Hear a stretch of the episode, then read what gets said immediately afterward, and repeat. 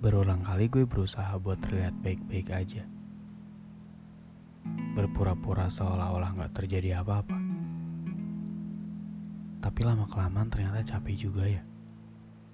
Selalu ngutamin bahagianya orang lain. Sampai lupa kalau diri sendiri juga butuh yang namanya bahagia.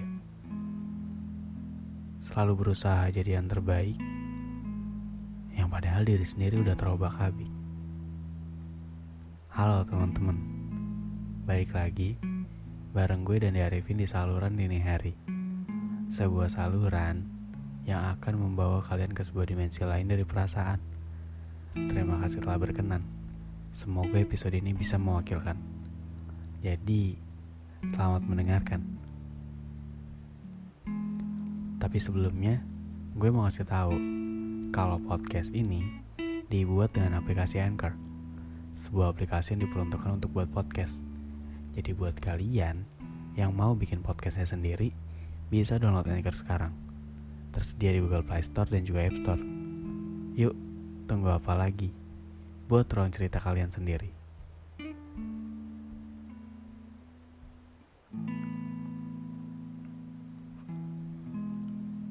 Kadang sempat kepikiran, gak ada gitu yang peduli sama gue di dunia ini kau setiap harinya cuma ngerasa sepi. Padahal gue gak pernah nutup diri. Tapi yang gue rasain kok kayak cuma seorang diri. Orang-orang pada ke mana ya? Apa mungkin emang di dunia ini gue cuma ditakdirin sendiri? Gue gak minta buat di ngertiin. Tapi kadang cuma butuh didengerin gue bisa kok mendam semuanya. Tapi lama-kelamaan kalah juga. Sekuat-kuatnya gue, gue juga manusia yang butuh manusia lain. Gue juga butuh tempat buat ngelampiasin semua kalau kesah. Banyak yang bersedia dirinya bisa jadi rumah. Tapi giliran gue butuh ke mana? Banyak juga yang bersedia jadi tempat pulang tapi pas gue perlu malah hilang. Ternyata bener ya. Mau sebanyak apa pun orang yang dekat sama kita, tetap aja yang bisa ngerti ya diri kita sendiri. Mungkin selama ini yang salah bukan mereka, tapi diri gue sendiri. Gue selalu ngejadiin mereka sebagai tempat beban cerita. Gue selalu berpatokan kalau bahagia gue di orang lain. Akhirnya yang gue dapet cuma kecewa aja. Kenapa ya? Gue selalu naruh ekspektasi ke orang lain.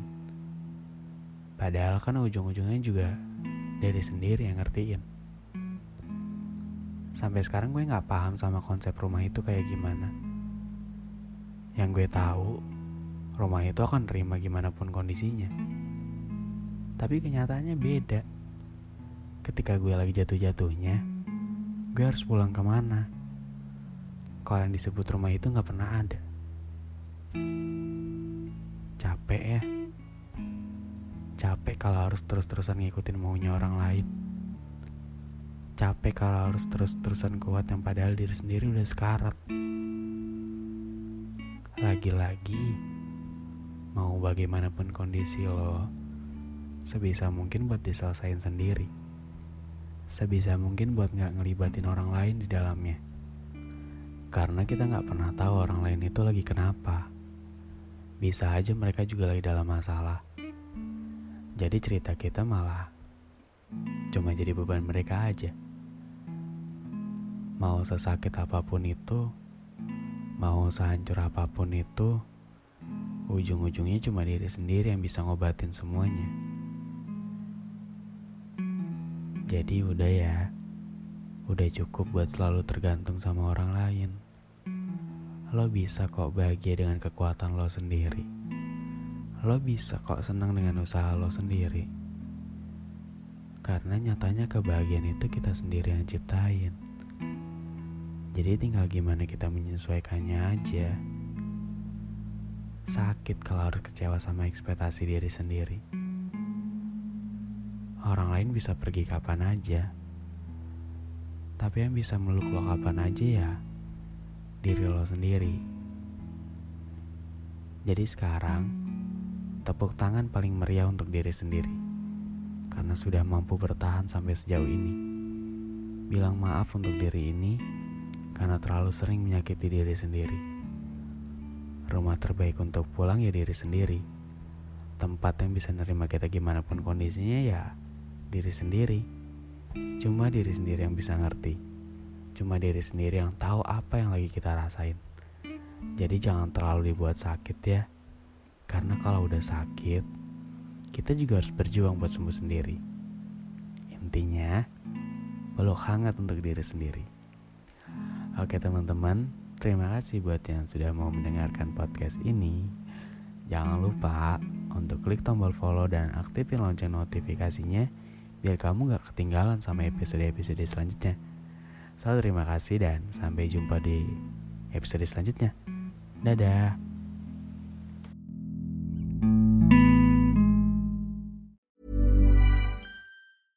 Have you ever Googled your own name? Prepare for a shock because your personal info, including addresses and phone numbers, is all out there. It's all harvested by data brokers and sold legally.